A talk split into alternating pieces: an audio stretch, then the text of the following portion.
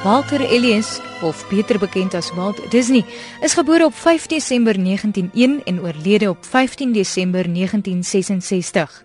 Hy is steeds vandag 'n ikoon en word onthou as Amerikaanse entrepreneur, animasiekunstenaar, stemkunstenaar en filmvervaardiger. Die man wat almal aangespoor het en geglo het dat elke droom waar kan word. En sy droom het natuurlik met die bekende Mickey Mouse karakter begin, iets wat hy nooit sou vergeet nie. During the last few years, we've ventured into a lot of different fields, and we've had the opportunity to meet and work with a lot of wonderful people. I only hope that we never lose sight of one thing, that it was all started by a mouse. Alhoewel Walt Disney synoniem is met Mickey Mouse en talle ander ikoniese karakters, was Walt Disney self 'n baie interessante mens. Leon van Heerop vertel. Wat mense dalk nie van hom weet nie, is dat hy in die Tweede Wêreldoorlog verskeie militêre films gemaak het. Hy uh, het nie aan die uh, wêreldoorlog deelgeneem nie. Hy is afgekeur op grond van ek dink sy gesondheid en hy het daai rolprente gemaak om die moraal te verhoog. Hy het ook op voedkundige rolprente gemaak. Disney, soos wat ek gekyk het in die dokumentêr, het nie sy werknemers baie goed behandel nie. Hy het hulle min betaal. Hy het hulle laat oorwerk. Hy het nooit werklik vir hulle krediet gegee nie en uh, dit het tot 'n staking gelei in 1941 wat hom byna lam gelei het.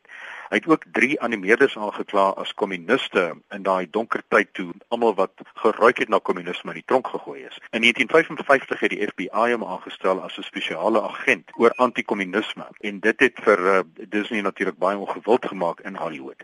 Maar sy grootste bydra dink ek behalwe sy rolprente is natuurlik Disneyland wat in 1955 geopen is.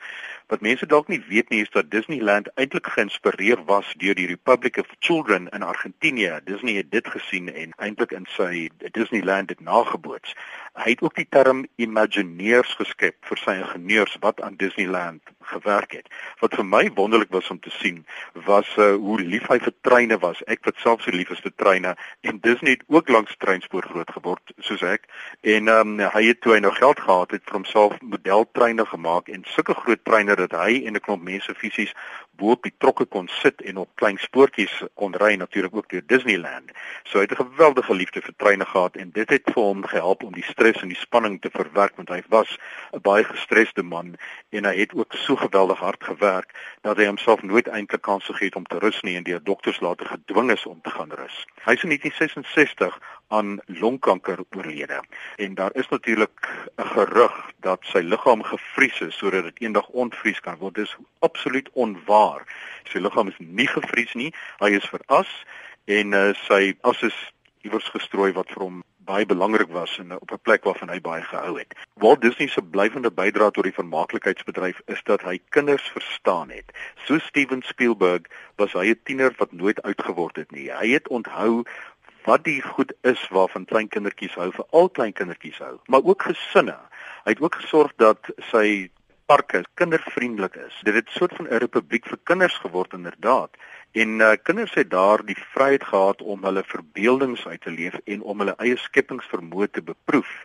En dit dink ek uh, is die inspirasie wat hy vir kinders gegee het en insluitende vir my want onthou ek het groot geword in die in die Walt Disney tyd. Daarvoor sal mense hom nooit vergeet. If you had it to do over again, would you do any part of it differently? Well, if I had it to do over again, no, I don't think I would.